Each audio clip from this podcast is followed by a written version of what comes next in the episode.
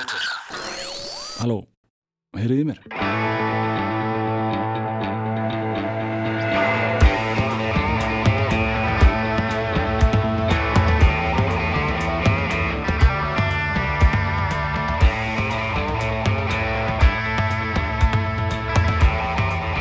Góður hlustundur, við erum velkomin í frumskóðin.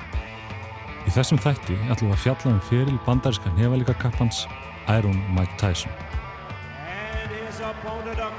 The ring on my left, fighting out of the red corner, really needing no introduction the world over. Wearing black trunks and hailing from Catskill, New York. His weight already 233 pounds. His record 50 wins, 5 losses, 2 no contests, with 44 big wins coming by way of knockout. Ladies and gentlemen, please welcome the youngest man ever to hold the heavyweight title, the former undisputed heavyweight champion of the world, introducing the one and only Iron Mike Tyson. Við erum stödd í Washington í bandaríkjónum og árið er 2005. Framundan er bardaði tvekja nefælika kappa. Það er það eina sem þessi tveir menni er samiðanlegt. Í raun gætu er ekki verið ólíkari. Annars vegar 31 árs gammal írskur boksari að nafni Kevin McBride sem var um það bil að fara að upplifa það sem hann vissi að væri og í raun reyndist vera hans langstæsta stund. Og hins vegar góðsögn í lifandi lífi eða það sem var eftir af henni allavegna á þessum tímapunkti. Sjálfur Iron Mike Tyson. Maðurinn sem var yngst í þungavikta heimsmystari sögunar aðeins 20 ára gamall. Fyrir um tvöfaldur heimsmystari sem á lungu tímabili á nýjönda og tíunda áratögnum var ósigrandi. Það sem nær allir hans bardagar enduðu með því að hann rótaði augljóslega lafrættan anstæðag sinn í fyrstulótu bardagans. Til margsum það sigraði Tyson 12 að fyrstu 19 bardögu sínum með róttöki í fyrstu lótu. Þetta kvöld í Washington árið 2005 var Tyson hins vegar ekki lengur þessi ósegrandi vígamæður sem nánast sigraði anstæðinga sína áður en að bardaginn fóð fram. Hann var 39 ára gamal, í slöku líkamlegu formi og virkaði mjög áhugaðlaus um það sem framöndan var. Í raun var hann eins og hann væri neittu til þess að vera statur þarna. Bardaginn barðist líka merki. Alveg frá byrjun var að ljóst að Tyson var aðeins skuggina sjálfum sér. Þótt af og til mætti glitta í þann gríðarlega styrk sem Tyson bjóði yfir. En allur hraði og úttalt var lung og horfið. Þráttur það hefði Tyson með smá hefni geta rótað McBride í fyrstu þremur lótum barndagans þegar hún tókst að setja saman röð nokkara þungar að högga. Þegar komið að fram í sjöttu lótu barndagans var Tyson orðin sínilega böga úr þreitu. Þegar sjönda lóta átti svo að hefjast hafði Tyson fengið nóg. Hann gafst upp á stólnum sínum í hotnum.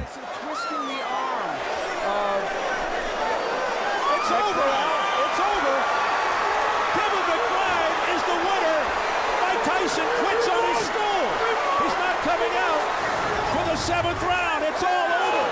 Kevin McBride has defeated Mike Tyson. Þannig endaði ferill þess að mikla strísmas, sitjandi á stólnum í hotninu sínu. Í viðtal eftir bardaðan sagðist Tyson ekki lengur hafað í sér að berjast.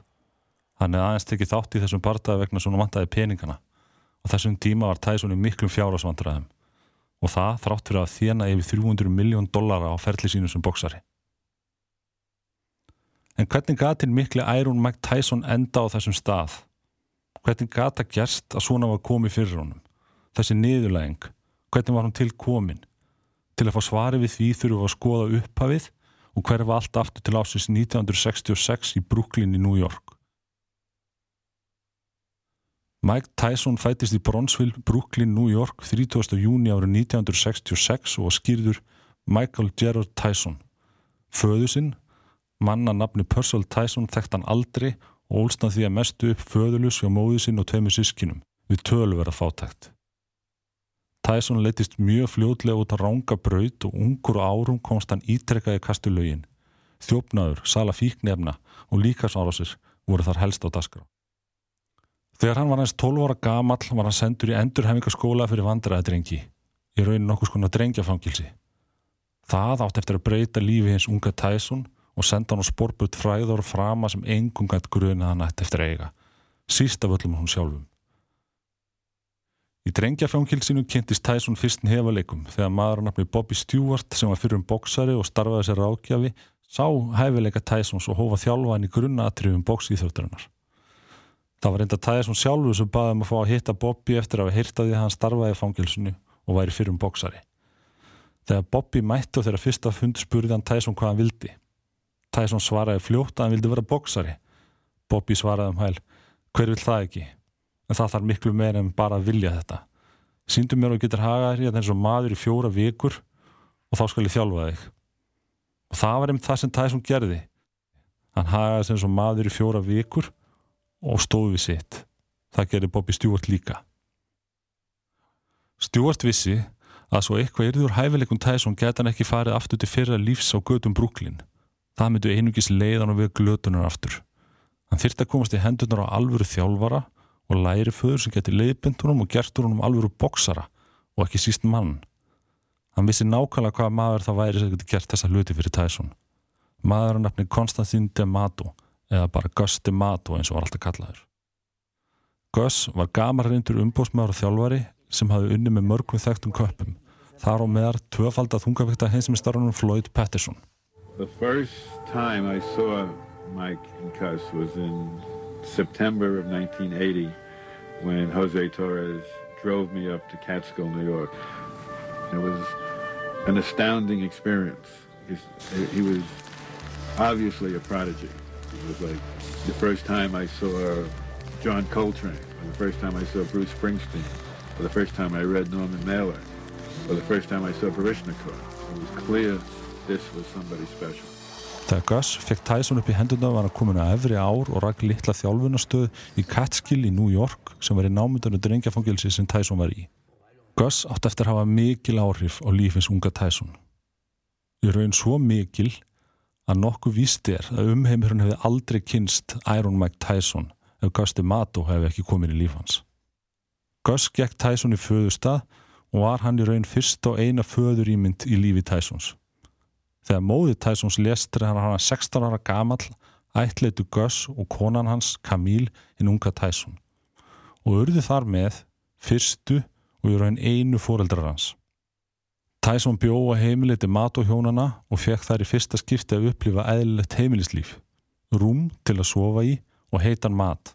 Þið mat og þjálfaði Tyson næstu árin og lagði áherslu á kennunum bardaðatekni gömlumistarana, svo kallaðan Pika-bú stíl sem enginnist að því að hafa hendurnar ávalt í varnastöðu fyrir framann andlitið til að vera ávalt viðbúin höggum anstæðingana en um leið vera sífælt mjög hreyfanlegur með efri hluta líkamanns og beita stöðu um gagnhöggum við hvert tækifæri. Þetta var stíl sem hentaði Tyson mjög vel þar sem Tyson var lágvaksinn að þungavíktaboksar að vera eða um 178 cm hár með 180 cm faðum Það þýtti að hann varði að koma sér inn fyrir varnir anstæðingar sinna sem voru nánast undan teknikalust bæja hávaksnari og þingri en hann, svo ekki sér tala um yfirbyrju þeirra í faðumlengt. Þessa tækni átti Tyson nefnitt eftir að mastera nánast til fullkomnunar og þegar þessu var blanda saman við líkamlega eiginleikans sem fólust í gríðalögum styrk, mikillir snerpu og ríkaleira árásakirni var Tyson smátt og smátt stór hættulegu bardaðamæður sem fáir vildu mæta menn höfðu að snemma orði að þarna væri komið fram efni í nýjan heimsmystara. Göslið Tyson horfa á bardaðu gömlu mistarana. Sátuður oft saman lungum kvöldum þar sem Göss frætti en unga Tyson um allt það sem hann þurfti að vita um kjensku og tækni í Íþróttirannar. Og það sem meira er, þá hafði Tyson mikinn áhuga við að læra af Göss, eitthvað sem átti þetta að koma hann vel síðar meir og gera hann að þeim óulega boksara sem hann síðar varð. Það sem Gus gerir líka fyrir Tyson var að færa hann og trú á sjálfum sér, eitthvað sem hann hafði aldrei haft áður. Þeir sem sáu Tyson þessum tíma áttuðu sig á því að hinn ungi Tyson var sérstakur. Þarna var komið frá mikið og sjálfgeft efni í Íþróttamann sem geti náðu mjög langt. Þó Tyson væri demantur, þá var hann viðkvæmu demantur og óslýpaður. Hann þartaðist mikillar umhyggju og leiðsagnar. Þó hann væri örugur með sig, var hann um leið mjög óörugur. Á þessum tíma aðstóði Teddy Atlis við þjálfun Tyson. Hann var unguð þjálfari sem vann á þjálfunastötu Mato. Teddy átti eftir að fylgja Tyson fram yfir olimpíuleika ungmenna en eftir það kom upp atvikum millir Teddys og Tyson sem var til þess að gösli Teddy fara. Setna greindi Teddy frá því að þetta atvik sem umrætti hefði varða unga stúlku sem tengdist honum og Tyson hefði á einhvern nátt heiðið sér ósæmilega gagvart. Tyson þvertekur reynda fyrir það í dag og segir Teddy aðeins hafi verið fúlan yfir því að hann hefði ekki viljað gera hann á umbúsmanni sínum. Hugsanlega ringdu þarna í fyrsta skipti viðvörun og bjöllur um þau vandaraði sem Tyson átti setna eftir að koma sér í og sínu ferli. Tyson var strax skæður og kraftmikill þegar hann hóf áhuga mann að fyrir sinni bóksi. Til að mynda rótaði einn anstæðinga sinna á aðeins 8 sekundum og vann gullverðun og olimpíuleikunum árið 1982. Hann hóf aturumannafélil sinn í bóksi árið 1985 og hafði á þeim tíma Kevin Rooney nokkur tekið við þjálfun Tysons af hennum aldnati Mato. En Rooney hafi verið lærlingu til Matos og aðstofað við þjálfun Tysons frá upphafi, líkt og Teddy hafi gert. Fyrsti atvinnumannabartaði hins unga Tysons fór fram þann 7. mars í Albany í New York þar sem Tyson barist í bóksarannafni Hector Mendes. Þá var Tyson átjónara gamal.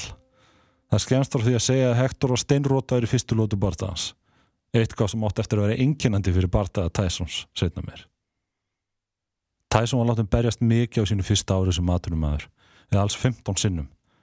Það var eitthvað sem Tyson sagði setna hefði komið til vegna þess að þá hefði bæst við í lífa hans gráður umbósmenn sem á þeim tíma hefði viljað láta hann þjena sem mest, aðalega fyrir sér sjálfa þá, en þeir tóku eitt þriði af öllu sem hann þjenaði. Nú að dögum þætti það aldrei koti greina að láta ungan boksara berjast 15 sinnum á einu og sama árunu. En í dag berjast bardagamenn yfirleitt ekki marga bardaga á sama árunu. Hvað þá 15 stykki? Þessi sömu umbúsmenn sögur reyndar að það hefði verið gert með ráðum að láta Tyson berjast svona oft til að halda hann frá vandræðum. Ef hann gerði ekkert annað en að æfa og berjast, hefði hann ekki tíma að koma sér í vandræði. Í dag má svo sem færa rauk fyrir því að þetta hafi virkað því að þegar Tyson fór að hafa tíma átt hann eftir að koma sér í vandræði. Tyson barðist mikið og fyrstu tvö árin barðist hann 28 partaða. Af þeim sigur að hann 26 þeirra með róttöki eða tæknilu róttöki. Það var þó oft haft á orði að það væri verið að mata Tyson á anstæðingum sem hann ætti létt með að gjör sig það. Kann að vera að sumir þeirra hefur sennilega aldrei átt að mætunum en inn á milli voru nokkri frambærilegi boksar sem Tyson lék sér að til að mynda Marvis Fraser, svon góðsagnarinn að Joe Fraser. Tyson rótaði hann reyndar á 15 sekundun. Marvis sagði setna að hann hefði ekki tekið Tyson nægilega alvarlega. Hvernig óskubórum hún er dætt í huga að lifa sér það er ráðgáta. En það er þú verðt að taka fram að Marvis var langt tróði að vera skoðu bóksari og heimsumistarinn Joe fadir hans hafi verið. Tyson sagði setna að það hefði fært honum mikla gleði að róta menn. Því að hans augum þýtti það að lífans erði betra meiri peningur, starra hús, flugvélar, skarkrybir og svo framvegis. Þegar þarna var komið hafði Tyson bætt við í vopnabúr sitt höggi sem ekki nokkur maður vildi lenda fyrir. Eldsnöggu upp höggi sem hann hlóði í með að krjúpa snögglega niður og nota þannig fótstyrk sinn til að spilna sér upp um leið og hann let höggi ríða að og gera þannig höggi það þungt að það steinrótaði anstæðingans næðan að lenda því á þeim. Til að losa um varnastuða anstæðinga sinna, þannig að hann geti lent högginu þunga, beitti Tyson þeirri aðferð að fletta það saman í tveggja til þryggja högga fléttu sem hófst á tveimur þungum höggum í kvið anstæðingsins sem fyllt var eftir með upp högginu þunga. Þessi flétta reyndist Tyson einstaklega vel, en það fræmkandi hann hana á slíkum hraða að ómulögt var að verjast henni. Tyson var yngsti maðurinn í sögunni til að vera heimsmyndar í þungavikt þegar hann sýraði Vafbi sé heimsmyndaran Trevor Burbick með tæknilu rótöki í annari lótu barndagans. Þá aðeins 20 ára og fjara mánuða gamal. Í aðdraðanda barndagans lit Tyson hafa það eftir sér að hann ætlaði að gjörst sigur af Burbick og um leið tróða sokk upp í þá sem heldur því fram að Tyson hefði verið mataður og slökum anstæðingum. Þetta einmitt sannaði Tyson því Burbick var engin auðli bæði stór og stæðilegu boksari sem hafi unni sér það inn helsti fræðar að hafa verið síðasti anstæðingur Muhammeds Ali árið 1981. Sá bardagi var endar ansi sorgli sjón þar sem nánast varnalus, aldraður og veikur Ali var lamin illa. Sá bardagi hefði sennilega aldrei átt að fara fram. En hvað sem því leið hafði Burbick verið heimsmystari, en ekki lengur. Núna var það Tyson og öll augu voru honum eftir það. Allt tal um evasendur um geriðingamátt Tysons snar þögnu. Eftir þetta var ekki til sá boksari sem ekki tók Tyson alvarlega. Mjög alvarlega. Því miður liði Gusti Mato ekki það að sjá Tyson vera heimsmistara en hann lést nokkur mánu um áður en Tyson vann títilin. Tyson tilengaði auðvita Gus síður.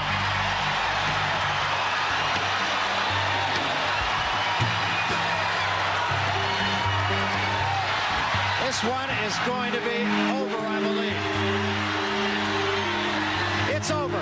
That's all. And we have a new era in boxing. I like to dedicate my fight to my great guardian, Customato. And I, I'm sure he's up there and he's looking and he's talking to all the great fighters and saying his boy did it. They're smiling, that's right. Mike Tyson, yeah! Í framhald af sigurunum á Börbygg hófst Tyson handa við að samina öll þrjú beltin sem í bóði voru og verða þannig óumdeldur hinsmisteri þungavíktarinnar. Hann hafði þegar þarna var komið WAF-BC beltið, World Boxing Council beltið, sem hann hafði unnið með sigurunum á Börbygg. En honum vantaði WAF-BA, skamstöðum fyrir World Boxing Association og IBF beltið, International Boxing Federation. Tyson byrjaði að sækja WAF-BA beltið með því að sigra James Smith þann 7. mars 1987. Hann þurfti reyndir að hafa mikið fyrir því að sigra hann, en sigraði þó með einhljóða dómvara úskurði eftir 12 lótu bardaga. En um leið síndi hann að hann geti vel farið alla leið. Það er, barist 12 lótur ef hann þyrti það. Eitthvað sem menn hefur efast um að hann gæti fram að því. Tyson saði reynda setna að langir bardagar hefur verið mikið vandamál fyrir hann, þar sem hann væri með slæm lungu og það hefði því verið betra fyrir hann að klára sína bardaga fljótt. Tyson saminnaði öll þrjú beltin með að sigra Tony Tucker í tólótu bardaga sem hann sigraði með einróma dómarúskuri. Aftur síndi Tyson að hann geti færið allar tólótunar.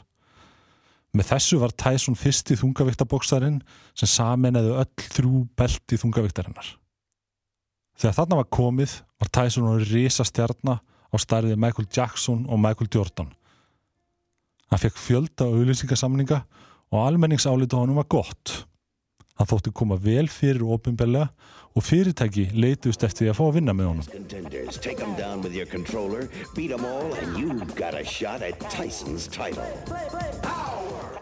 Það var eitthvað sem síðar átt eftir að breytast í muna.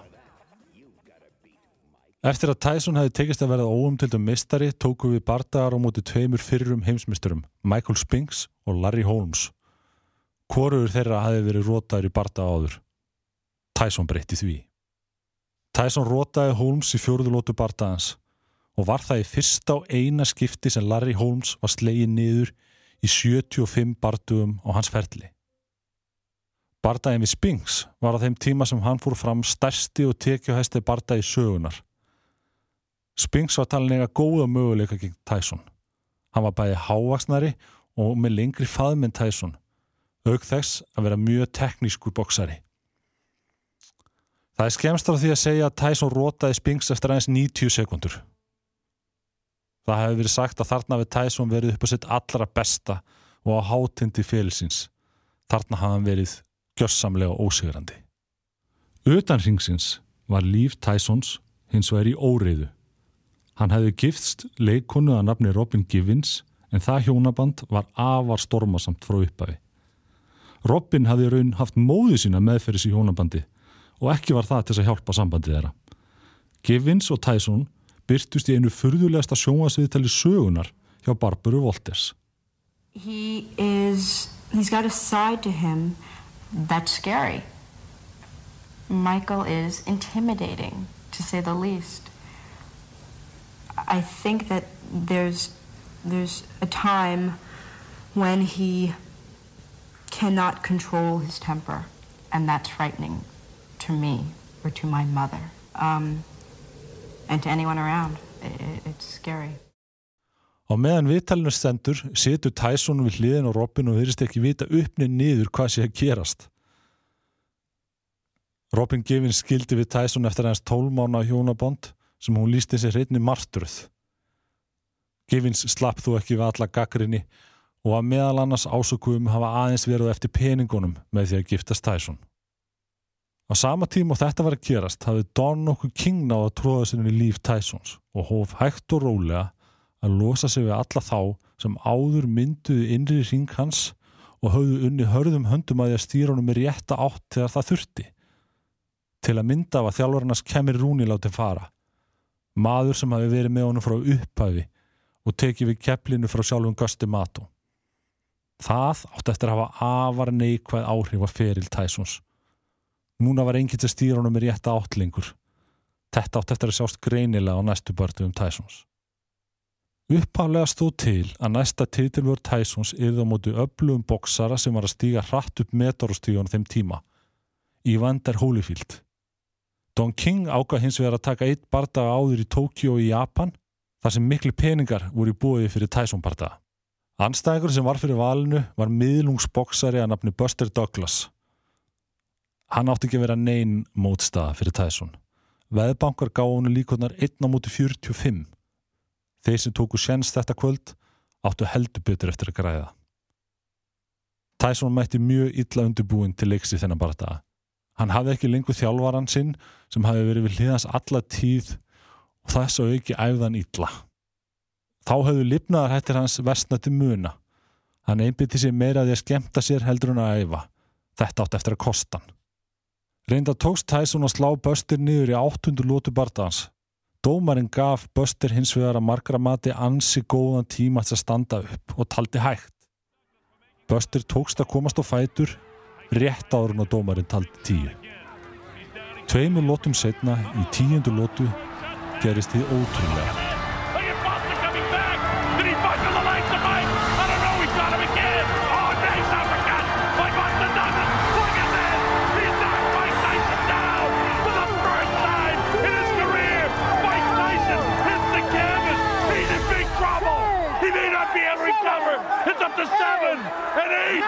Not gonna make it. Unbelievable! Unbelievable! Unbelievable! Buster Douglas is the new heavyweight champion of the world. This has got to be, if not the, one of the biggest upsets in the history of boxing. Buster Douglas. Buster Douglas hafi gert því ótrúlega. Rótað hinn áður ósigraða Tyson og um leið búið til einhver óvæntustu úslitt íþróttasögunar. En vandraði Tæsos voru rétt að hefjast og núna áttu þau eftir að vesna til muna. Í júli 1991 var Mike Tyson handtekinn ásakaður um hafa nauðga 18 ára gammalli stúlku að nafni Desiree Washington. Tyson hafi kynst henni þegar hún var búið að hilsu upp á keppindur í fjögurasankefni þar sem Desiree var með all keppenda. Tyson held þá og heldur enn þann dag í dag enn þá fram saklýsi sínu og sagði að allt það sem fór þeirra á milli hefði farið fram með samþyggi þeirra begja og kann að hafa verið ránglega dæmdur. Að mati sérfæringar sem þekkja til málsins fekk Tyson ekki þá vörð sem hann átti skilið í þessum réttarhöldum. The exclusion of witnesses uh, was not fair. The exclusion of relevant evidence that would have shown the jury uh, the whole picture was not fair. It was about the unfairest trial I've ever experienced. Don King sá um að útvöða Tyson verjanda. Sá hafið áður hjálpa Don með skattamál. Við lögumæðurinn, Vincent J. Fuller þótti ekki standa sér vel í málinu. Hann þótti ekki sleipur í málflutningi í sakamáli sem þessu. Það átti eftir að kosta Tyson. Tyson var dæmdur í 6 ára fangilsi fyrir nöðkun á Desiree Washington þann 10. februari 1992. Hann satt inni í tæplega þrjú ára á þessum 6 sem hann dæmdu fyrir. Í fangilsinu held Tyson áfram að æfa eins og hann gat miða við aðstæður og tók jafnframt upp Íslamstrú. Þegar Tyson kom út úr fangilsi var hann ennþá ungu maður eða 28 ára gamall og það var næg eftirspurn eftir honum. Tyson sagði setna að hann hefði verið mjög stressaður yfir því að vera losn úr fangilsi. Húnum hefði raun liðið nokkuð vel þar. Hann verið vendaði fyrir umheiminum og ekki þurfti að eiga við þú vandamál sem hann þurfti að eiga við utan vekkja fangilsinsins. Tyson setti sér strax það markmið að sækja beltin sín aftur. Tyson sigraði fyrstu tvo bardaði sína gegn Peter McNeil og Buster Mattis Jr. Hvorur þessar mannar voru nokkur aukusar. Peter McNeely hafði aðeins tapað einu sinni í 30 barndugum og Buster Mattis Jr. aldrei í 20 partum. Báðir beittu þeir þeirri aðferð að ráða strax og Tyson fór uppæði. Láta hann hafa fyrir því og leifunum ekki að komast upp með að vera árásaraðilinn. Þetta var aðferð sem menn höfðu síðan að hefði virka á Tyson í bardaganum við Buster Douglas. Allt kom fyrir ekki, Tyson sigur á það báða. Hann þurfti þó að hafa fyrir því, sérstaklega í bardaganum á móti Buster Mattis Jr. Báðir þessi bardagar skiluðu gríðalegum tekjum og þá var ljósta umheimurinn hafið enþá mikinn áhuga á Tyson. Fangilsisvistinn hafið ef eitthvað er gert Tyson meira spennandi. Það var mikil eftirspurn eftir honum. Þá var komið að því að sækja fyrsta belti aftur. Það var Vaff-PC beltið sem breytin Frank Bruno held á á þeim tíma.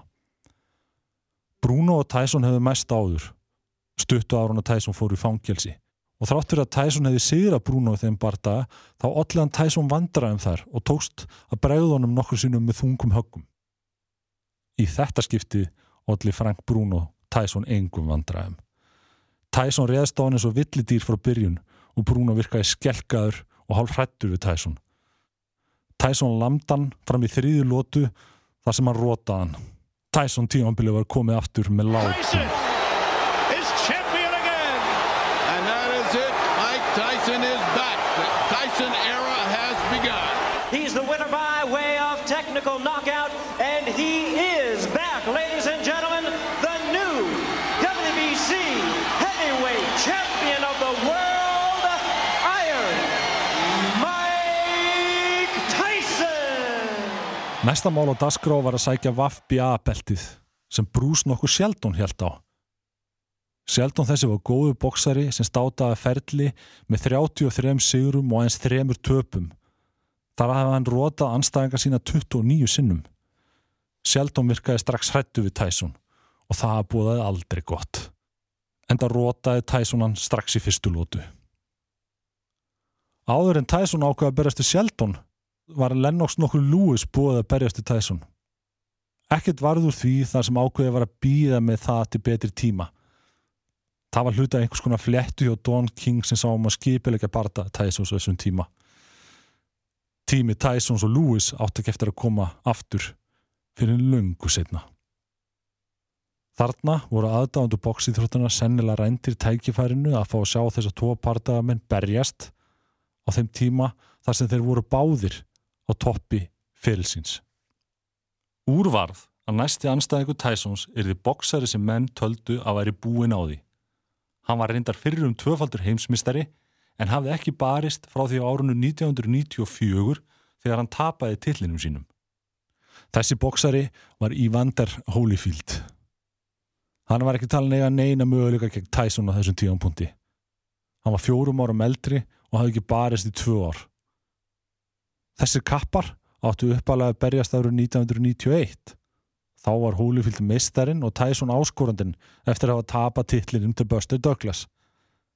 Ekkert var þó úr þeim barda vegna fangilsisvistar Tysons. Á þeim tíma áttu Holyfield að fá 30 miljón dollara fyrir bardaðan. Hann hefur því sennilega verið manna svektastur með fangilsistóm Tyson.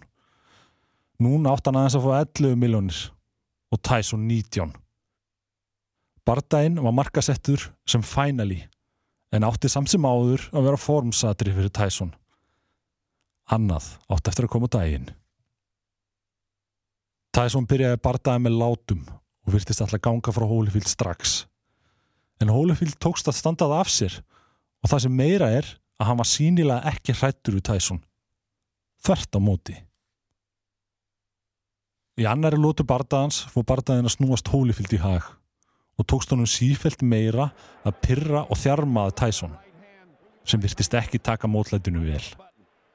Ekki bætt úr skák áhörundur í MGM Grand höllinni í Las Vegas virtu sífelt meir snúast á band Holyfield eftir því sem leið á bardaðan. Tyson kvartaði einni mikið yfir því við dómaran að Holyfield væri að skalla sig. Eftir því sem leið á bardaðan var það ægljósara að Holyfield væri með yfirhöndina og að hann væri í betra líkamlega ástandi en Tyson. Tyson átti mjög góða fymtu lótu og virtist alltaf ná tökum á bardaðanum aftur þegar hann lendiði röð þungra högga á Holyfield. Þessari frægu fléttu hans, tvö skrokkhögg og þungt uppögg. Allt kom fyrir ekki. Holyfield stóð það af sér. Í sjöttu lótu snýðast eins og að bardaginu. Um miðjarlótuna skullu höfuð þeirra saman og skurður opnaðist úr á vinstra auga Tyson. Tyson sjálfur og hotnið hans litur vel í sér heyra og ásöku og Holyfieldum hafa skalla Tyson viljandi.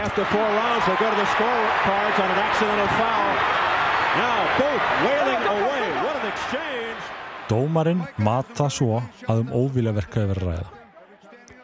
30 sekundur setna lág Tyson í gólfinu. Holyfield turned on by the crowd. Less than a minute, round six. Holyfield's closing this round like a champion, like the overachieving warrior that he is. Oh, down goes Tyson. A left hook.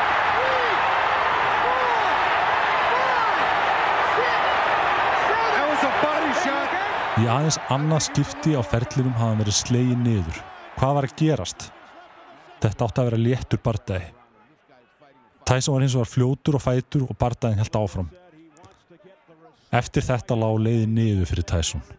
Aftur skullu höfu þeirra saman í sjöundulótunni og við það vankaðist Tyson augljóslega. En í þetta skipti var að ljósta að það var Tyson sjálfur sem skallaði Holyfield. Í tíundulótu var Holyfield nánast búinn að fella Tyson og aðeins bjallan bjarga honum frá því að vera slegin niður. Þegar 30 sekundur voru liðnar að 11. lótu var eins og var ekkert sem gætt komið í veg fyrir hið óumflýjanlega. Legend in the purple trunks, Evander Holyfield. Holyfield continues to dig in. A left hook to the head. He's got Tyson in trouble. Tyson's ready to go. A straight right hand. The Talbot stops the fight, and Holyfield has I won. can't believe what I'm seeing. It's the most unbelievable thing I've ever been privileged to witness. Mayhem. It is Bedlam.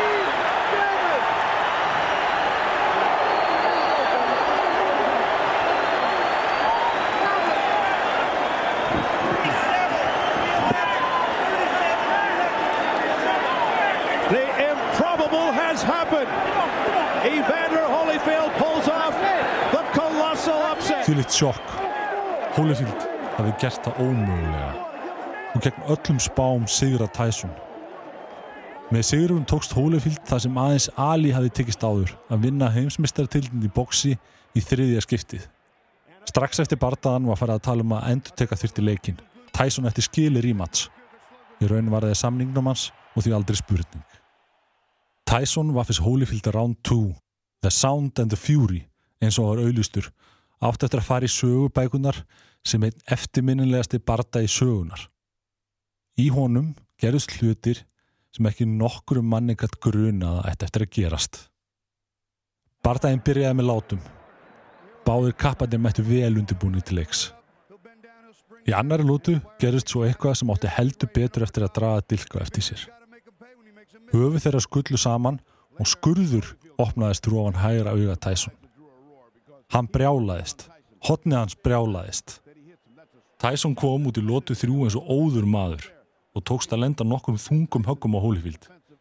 Og ef eitthvað er, virtist hann vera að ná að vinna lótuna og ná yfirhöndinni í bardaganum. Þegar innanu mínúta var eftir að lótunni fór svo að staða atbyrðarós sem á aldrei eftir að gleymast í Íþróttasögunni. Eftir góða flétta af höggu frá Tyson lendi höfum þeirra saman enn eina ferðina. Þá gerðist hið óhugsandi. Oh.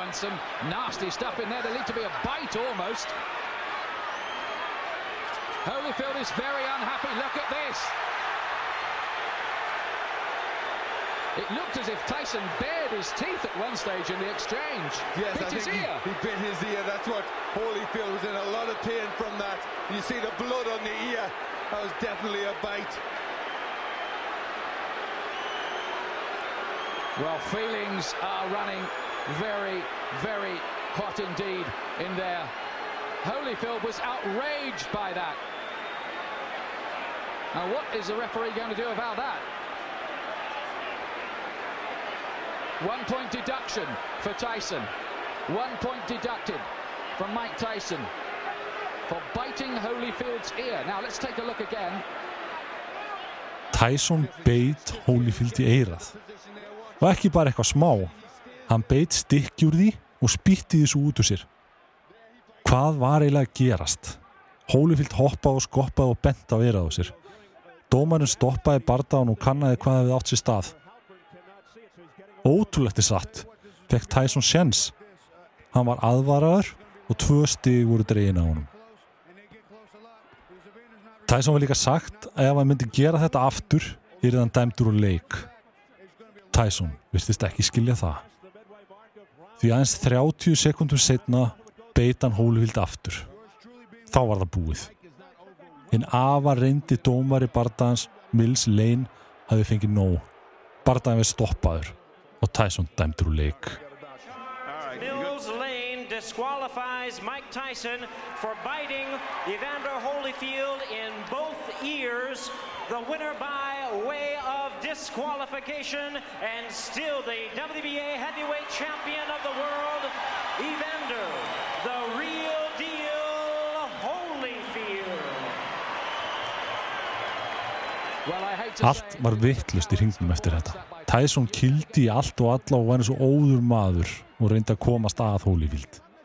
Eftir bardagan sagði Tyson að hann hefði trilst við það að hafa verið skallaður enn eina ferðina og því gert það sem hann gerði. Það furðulega við þetta allt saman er svo staðarind að þriða lota var eign Tysons. Hann var sjálfum sér því ítlaða falli enn eina ferðina. Tyson var sektaður um þrjárum miljónu dollara fyrir aðtökið og fekk því aðeins 27 af þeim 30 miljón dollarum sem hann átt að fá fyrir bardagan. Þetta voru því ánefa tvö dýrustu bit sögunar sem Tyson beit þetta örlaði líka kvöld 28. júni 1997. En sektin voru ekki einu vandræðin sem Tyson átt eftir að koma sér í út af þessu. Því Tyson misti líka keppnisleifi sitt í rúmlega eitt ár. Þarna tapaði hann því í rauninni fjóruða árunu og ferlinu sínum ef árun á bakvið lás og slá eru tekið með. Tyson barist ekki aftur fyrir enn í janúar 1999 þegar hann mætti hennum Suður Afriska François Bota. Ef eitthvað er að Suður Afrikum maðurinn betri aðeins að byrja með og tókst honum að lenda þungum höggum og Tyson sem gamli meistarinn tók ekki vel og brást hann við með því að reyna að brjóta hendin á Bota. Ringurinn fylltist af fólki og það virtist sem en eina ferðina væri Tyson búin að klúra hlutunum. Dómarinn ákvað hins vegar að báðir aðeilar ættu sök í máli og aðvaraði þá báða. Áframhjalt bóta að líta betur út og kunnulegt minnstur fór að sjást á Tyson. Hann var þreyttur og virkaði ráðalus og pyrraður á mótlætinu. Í fymtulótu tókst þó Tyson hins vegar að lenda þunguhöggi sem lendi beint í smettinu á bóta.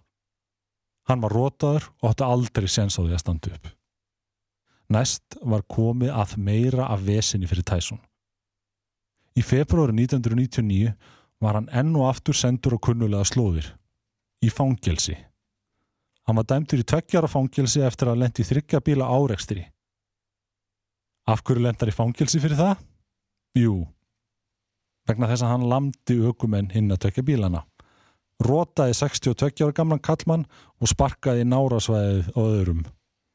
Tyson satt inn í samtals nýju mánu enn eitt árið í súgin hjá honum. Eftir að Tyson komst út úr fangilsunu fór hann beint aftur ringin.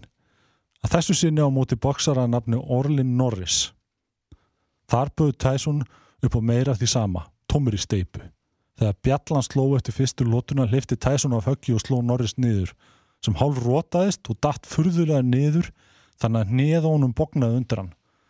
Dómarinn dróð tvö stig af Tyson og saði áfram gakk. Norris vildi hins vegar ekki meira. Saðist þér að drepast í nénu og vildi ekki halda áfram. Sennilega gata hann vel barist áfram, en umbósmaður hans öskraði til hans að gera það ekki. Þar sem Tyson hefði slegið til hans eftir að Bjallan sló og slasaði hann, þyrti hann þess ekki. Hann fengið samt borgað. Þarna endaði enn eitt Tyson bardaðin eins og atriði sirkus sem fór stórkostlega á böndunum. Við tóku bardagar þar sem Tyson lit vel út. Hann virkaði í góðu formi og kraftmikill í þeim báðum. Sá fyrri á móti Lúsa Vares sem hann rótaði eftir aðeins 38 sekundur og sá síðari á móti Andrew Galota sem hann sló niður á svo miklu þunga að heim pólski Galota var með óráði og eftir. Neitaði að halda áfram að berjast og það þrátt fyrir kröftu mótmæli þjálfar hans og aðstofamanna. Setna meir voru úslitt þessa bardaði við Galota þó afmáð þar sem Tyson fjall á livjöpróf eftir bardaðunum. í honum meldist Mariana. Eftir á að higgja hefði verið áhugast að sjá Tyson mæta Lennox Lewis á þessum tíma. Tyson virkaði í formi og léttar en hann hefði verið um töluvert skeið. Þá var aldurinn ekki farin að segja mikið til sín en það var hann aðeins 33 ára þegar þarna var komið. Það gleymist oft í því samiki hvað hann byrjaði snemma. Hann var aðeins jú tvítur þegar hann var heimsmystari fyrst. Tyson vildi á þessum tíma berjast eins mikið og mögulega gatt. Fyrir því voru tvær ástæður. Hann vildi fá tækifæri til þess að berjast aftur um titilinn og svo á einhvern óskiljalan hátt vant á honum peninga. Hvernig svo sem í óskubúrum hún tókst að eigða þeim öllum. Næsti barndagi Tysons fór fram árið 2001 í Kaupmannahöfn á öllum stöðum og móti hinn um afarskuröðlega en vinsæla danska boksara Brian Nielsen. Tyson var ábyrjandi þungur að sjá. Tölvert þingri að sjá en hann hafði virst aðeins einu ári áður. Daninn var ólsegur enda mikill að vexti. Tyson slóarindir niður snemma í bardagunum en eftir það þraukaði sá danski af sér af ótrúleiri siglu fram í sjúöndu lótu. Þar gafst hann upp. Gat ekki tekið meiri barsmiðum og baði dómarunum að stoppa bardagan á meðan hann sat á stólunum sínum í hodninu. Árið 2002 var svo loksist komið að því að Tyson fengi stóra sensin aftur. Að berjast við Lennox Lewis og eiga þess kost að vinna öll þrjú beltin aftur á einu bretti. En Lennox var á þessum tíma handhafið þeirra allra og á hátindi félagsins. Tyson let öllum yllum látum í aðranda barndagans. Tyson sagðist að rífa hjartaðu Lewis og geta börnin hans. I don't know, man. Yeah, yeah, Lennox Lewis, Lennox, I'm coming for you. Mike, is it frustrating to train like you did and then have No, this in seven or eight seconds? for this fight. I only trained probably two weeks or three weeks for this fight. I had to bury my best friend, and I dedicated this fight. I wasn't going to fight. I dedicated this fight to him. I was going to rip his heart out. I'm the best ever. I'm the most brutal and vicious and most ruthless champion there's ever been. There's no one can stop me. Lynx is a conqueror. No, I'm Alexander. He's no Alexander. I'm the best ever. There's never been anybody as ruthless. I'm Sonny Liston. I'm Jack Dempsey. There's no one like me. I'm from Nairclaw. There's no one that can match me. My style is impetuous. My defense is impregnable. And I'm just ferocious. I want your heart. I want to eat his children. Praise be to Allah. Á bladamannafundi þeirra kappa fyrir bardagan sagði hann við bladamann sem var mjög ósáttu við að hann ætlaði að berja hann og nauðkonum þonga til að hann elska hann. Hann endaði svo fundin á því að ráðast á Lennox Lewis og býta hann í fótinn. Tyson hefur sagt í setni tíð að hann geti ekki hort á þetta í dag og að hann hafi á þessum tíma verið afa veikur og geði og er hann algjörlega stjórnlus. Hann skammist sín mikið fyrir þetta. Það er svo sem vel skiljanlegt. Þrátt fyrir allt þetta rugl fór bardaginn fram í Memphis, Tennessee sem var eina ríkið sem var tilbúið að veita Tyson keppnisleifi eftir allt ruglið á honum. Mikil eftirvending var eftir bardaganum og var hann á þeim tíma sem hann fór fram mest kifti pay-per-view bardagi allra tíma. Tyson var ekki talin eiga mikla möguleika í Lewis. Misvísandi skilabúð bárust úr æfingabúðum Tysons ímist að þær gengur mjög vel eða þá mjög illa. Hvað sem því leið voru sérfæringa sammála um að eini möguleiki Tysons lægi því að ná að róta Lewis strax í fyrstu lótu. Ef það gengi ekki eftir, ætti hann ekki möguleika. Í ljósi alls djöfulgangsins sem gengi hafði á í aðdraðanda bardaðanas var mikið lagt upp úr öryggiskeslu. Fjöldin allur af öryggisvörðum raðaði sér upp eftir miðjurringnum til að aðskila kappana að og til að tryggja þeir kæmist ekki að hverju öðrum áður en að bardaðin hæfist. Ætli þetta hafi nú ekki líka verið gert upp á sjóið. Tveir kinnar voru fengnið að kynna þessa kapitileiks. Ekkert minna dögði voru því bæði Jimmy Lennon Jr. og Michael Buffer fengnir. Tvær góðsagnir. Við skulum grípa niður í kynningu Jimmy Lennon Jr. og Michael Buffer og heyra hana. Hún er vel þess virði.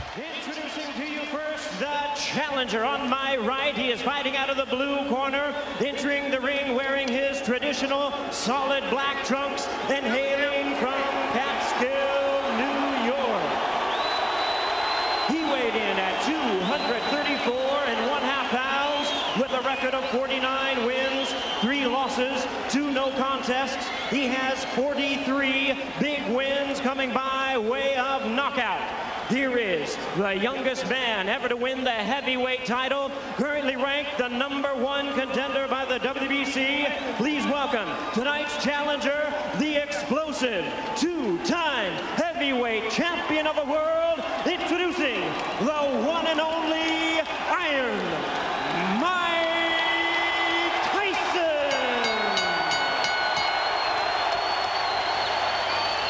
And hiding out of the red corner, wearing white, trimmed with red letters, and officially weighing 249 and one quarter pounds.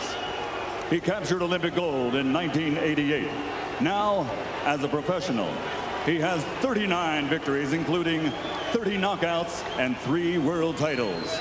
He has two defeats and a draw, all by way of rematch have been changed to victories, making him one of the few men in boxing history to have virtually defeated every man he has ever faced. Ladies and gentlemen, from London, England, presenting the three-time world champion, the linear, legitimate, and universally recognized, undisputed heavyweight champion of the world, Lennox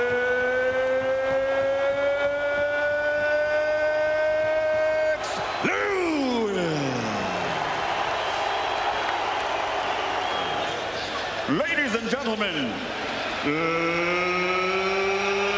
let's get ready to rumble!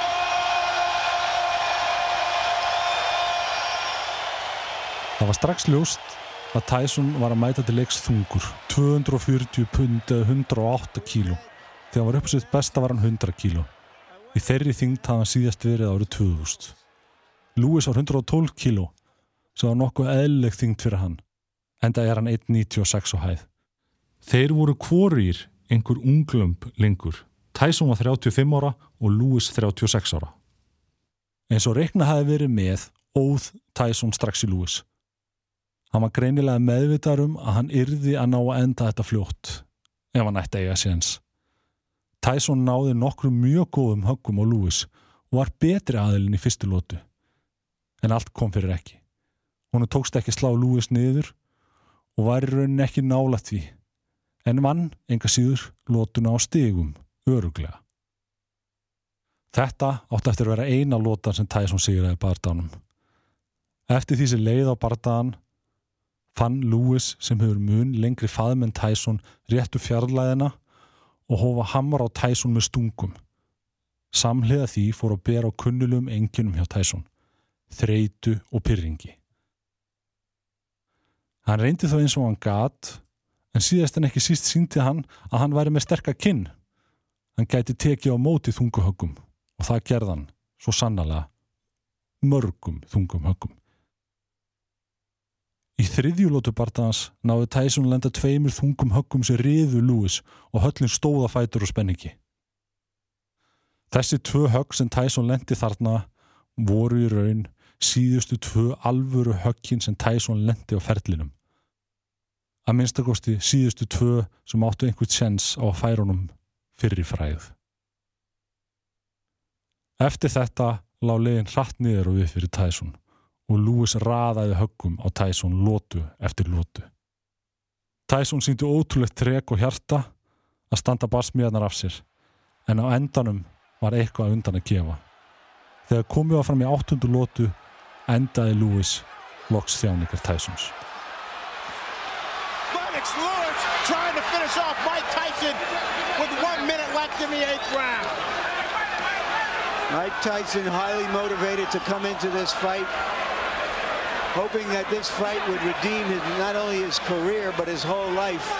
Oh, he's doing a good job. He's got heart. Now, He's- you can't take that from him.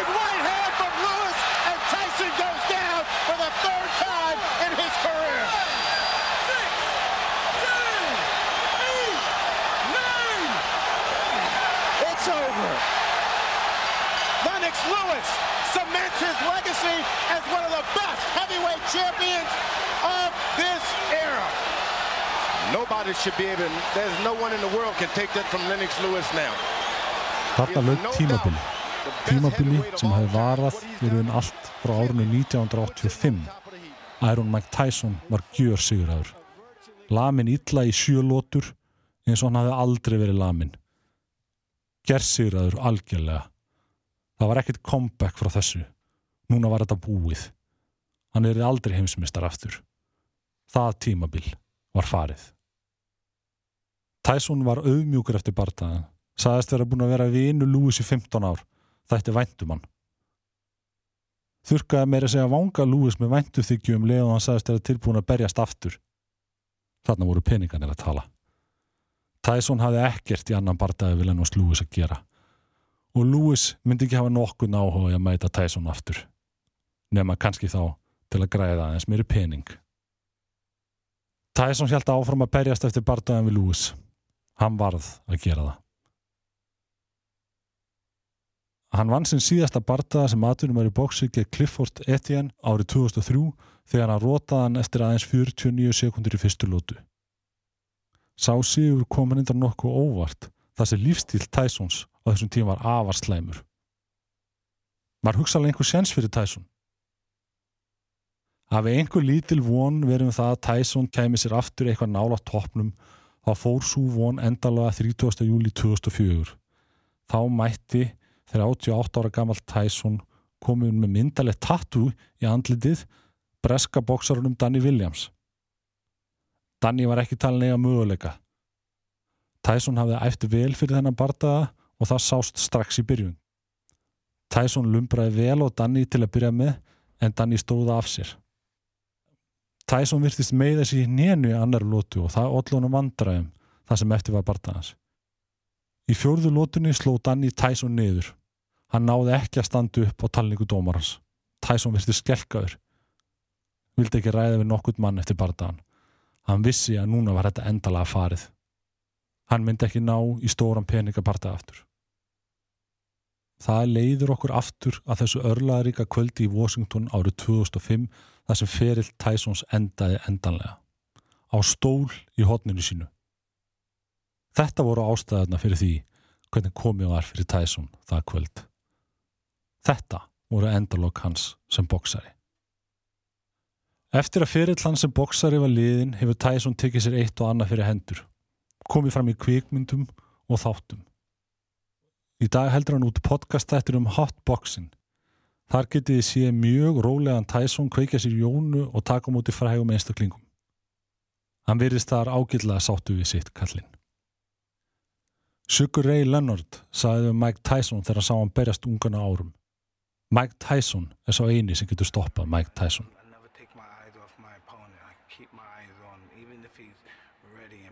Þetta átt eftir að reynast orða sönnu. Hvað sem því líður er eitthvað við Mike Tyson sem reyfiðu fólki. Hann vekur alltaf aðtikli, hefur alltaf gert og mun alltaf gera. Hann er ódregnarlegur og hrári gegn. Það fær fólk til að bæði dástafónum og hata hann í senn. Það er það sem gerir Mike Tyson að Mike Tyson. Gott fólk, takk fyrir að hlusta, þangat er næst, farið valið að núti.